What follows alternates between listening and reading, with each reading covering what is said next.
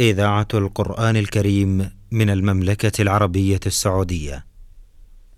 دروس في العقيدة الإسلامية. برنامج من إعداد فضيلة الدكتور صالح بن عبد الرحمن الأطرم. تقديم فهد بن عبد العزيز السنيدي.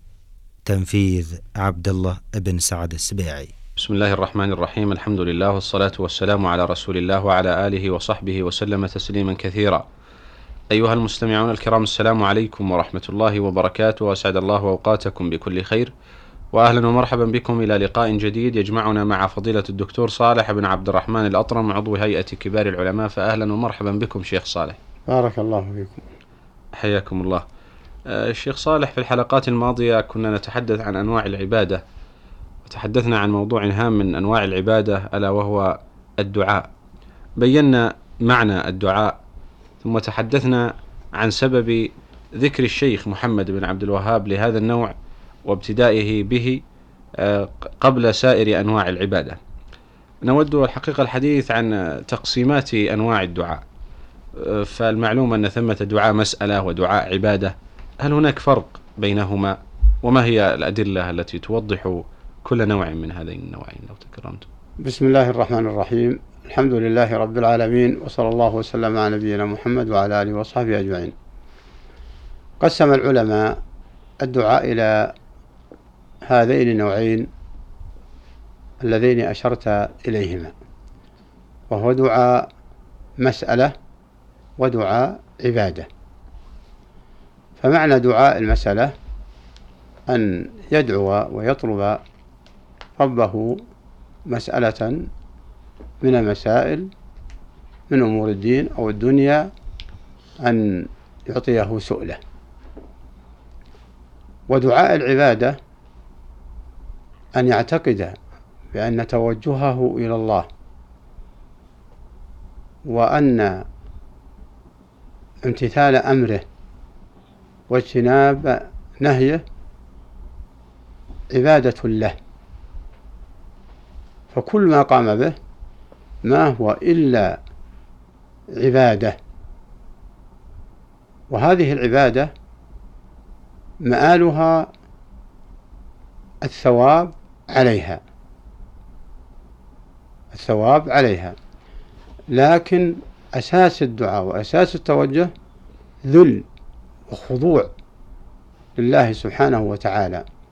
ولهذا عاتب الله الكفار الذين يعلقون آمالهم ويدعون ما لا يملك لهم ضرا ولا نفعا. فوبخهم الله بقوله أمن يجيب المضطر إذا دعاه ويكشف السوء ويجعلكم خلفاء الأرض؟ أإله مع الله؟ قليلا ما تذكرون. فإذا كان لا يقدر على شيء من هذا. لا يجيب الدعاء ولا يكشف السوء. فما فما الحاجة إلى أن تتعلقوا به؟ لماذا لا تتوجهوا إلى خالقكم ورازقكم والذي عنده القدرة لجلب النفع لكم ودفع الضر عنكم؟ وقال تعالى ومن يدعو مع الله إلها آخر لا برهان له به لا حجة له بكونه يتوجه إلى إله آخر يدعوه لقضاء حوائجه من جلب نفع أو دفع ضر.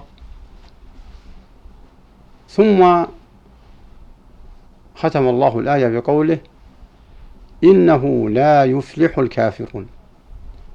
فدل ختام الآية على أن من دعا غير الله فيما لا يقدر عليه إلا الله أنه كفر. لأنه أعطاه نصيبا مما هو مختص بالله وهي القدرة. فلهذا قال الله تعالى ومن يدعو مع الله إلها آخر لا برهان له به فإنما حسابه عند ربه إنه لا يفلح الكافرون. وهذا كأن يقول القائل إذا توجه لمخلوق يا فلان أعطني كذا يا فلان أنقذني يا فلان اشفع لي والمتوجه إليه ميت. أو توجه إلى جماد. كما كان موجود عند العرب قبل بعثة الرسول عليه الصلاة والسلام. عبادة الأصنام والأشجار والأحجار والأموات. فالتوجه إلى ما من ليس بيده قدرة أو إلى الجمادات هذا هو صرف حق لله لغيره. فلهذا حكم الله عليه بالكفر. فيتأكد على المسلم العاقل أن يعرف هذه القضية وألا يعلق آماله وأطماعه إلا بالله. نعم. وهذا لا ينافي ما شرعه الله من فعل الأسباب. ولا يعني أنك لا تطلب من إنسان حاجة نقدر عليها. يا فلان عني على هذه الحاجة. أو اقض لي هذه الحاجة وهو يقدر عليها. ومع ذلك تعرف أنه لا يقدر إلا بعد قدرة الله. وإنما الكلام المحرم الممنوع المقطوع أنه شرك ما إذا توجه لغير قادر. ليس بيده قدرة على ما طلب منه إما لكونه ميت أو لكونه غائب. لا يسمع دعاءه لا يسمع دعاءه. ولهذا أعاب الله على الكفار بقوله وما يستوي الأعمى والبصير ولا الظلمات ولا النور ولا الظل ولا الحرور وما يستوي الأحياء ولا الأموات. إن الله يسمع من يشاء وما أنت بمسمع من في القبور. فهؤلاء الذين يطلبون الشفاعة ممن في القبور أين لا يسمعون. فكيف يظن هؤلاء أنهم يقدرون؟ هذا لا لا يخفى على من عنده أي عقل. ولو ادعى من توجه إلى الأموات بسؤالهم أو إلى جمادات وصرف لهم حق من حقوق الله فهذا يعتبر غير عاقل. كما قال الله عن المنافقين صم بكم عمي فهم لا يعقلون.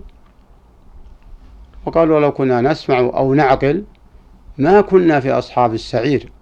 هذا عما سيحصل من الكفار يوم القيامة من الندم وإظهار الأسف حين لا ينفع الندم. لو كنا نسمع أو نعقل ما كنا في أصحاب السعير فعقولهم في دنياهم وتصريفها وإتقانها هذا لا يعد العقل الصحيح المطلوب. فالعقل المعيشي حتى البهائم عندها عقل معيشي وإنما العقل المطلوب من الإنسان أن يؤمن بالله وأن يمتثل أمره ويجتنب ما نهى الله عنه ويؤمن بأنبيائه ويؤمن بملائكته ويؤمن باليوم الآخر لأجل أن يستعد ليستعد لليوم الآخر ويعرف أنه سيحاسب ويناقش عن ما حصل منه في هذه الدنيا. وما أعظمها من مواعظ وزواجر في القرآن. وقالوا لو كنا نسمع أو نعقل ما كنا في أصحاب السعير هل هم مجانين هؤلاء؟ ليسوا مجانين. ولكن كما قال الله تعالى إنهم إلا كالأنعام بل هم أضل سبيلا. أرأيت من اتخذ إلهه, إلهه هواه؟ أفأنت تكون عليهم وكيلا؟ أم تحسب أن أكثرهم يسمعون أو يعقلون؟ إنهم إلا كالأنعام بل هم أضل سبيلا. فالذي أوصي به الإخوة المستمعين الذين يعرفون الإسلام أن يحققوا إسلامهم بالاعتصام بالله والتوجه إليه وإعطائه ما طلب منهم من أنواع العبادة لا سيما الدعاء الذي هو مخ العبادة ولا يتغافل عما طلب منه. أما الكافر الذي يجحد البعث والنشور ويجحد القيام هذا له شأن آخر. هذا يدعى إلى أن يسلم بمعنى يستسلم ويدخل في دائرة الإسلام ثم بعد ذلك يتعلم أحكام الإسلام. فأرجو من الله سبحانه وتعالى العلي القدير أن يوفق الجميع لما يحبه وأرضاه وأن ينفع بالجهود بمثل هذا بمثل هذه الاستدلالات من القرآن والسنة على تصحيح المعتقد في الدعاء لمن يدعي الإسلام. ونرجو أن الله أن أن, أن يس ولربما سمعه الكافر فأسلم إن شاء الله تعالى. كما أسلم الكثيرون من وقت الرسول عليه الصلاة والسلام إلى حال التاريخ. يسمعون شيئا من القرآن فيسلمون. يسمعون آه، شيئا من الأحاديث فيسلمون. نعم. شكر الله لكم شيخ على هذا البيان. إذا هي كلمات نطلقها عبر هذا البرنامج وعبر آه، حقيقة برامج كثيرة في هذه الإذاعة المباركة آه، كثيرا ما تحدث المشايخ الكرام حول هذا الموضوع الذي نراه في بعض البلدان الإسلامية. ونسأل الله تعالى أن يمن على إخواننا بالهداية والتوفيق والسداد أن يقضوا على مثل آه، هذه المسائل الشركية الخطيرة في دعاء الأموات والتضرع لهم والذبح عند قبورهم. مما انتشر ونراه كثيرا في بعض بلدان المسلمين. نسأل الله تعالى يمن علينا وعليهم بالهداية والتوفيق وأن يكون لهذا الكلام وغيره من الكلام إن شاء الله صدى في نفوسهم. شكر الله لكم يا شيخ على هذا البيان ونتمنى أن نلقاكم في حلقة قادمة بإذن الله تعالى وأنتم على خير. مستمعينا الكرام في الختام تقبلوا تحية زميلي خالد منور خميس من الهندسة الإذاعية. حتى نلقاكم نستودعكم الله. والسلام عليكم ورحمة الله تعالى وبركاته. دروس في العقيدة الإسلامية. برنامج من إعداد فضيلة الدكتور صالح بن عبد الرحمن الأطرم تقديم فهد بن عبد العزيز السنيدي تنفيذ عبد الله بن سعد السبيعي.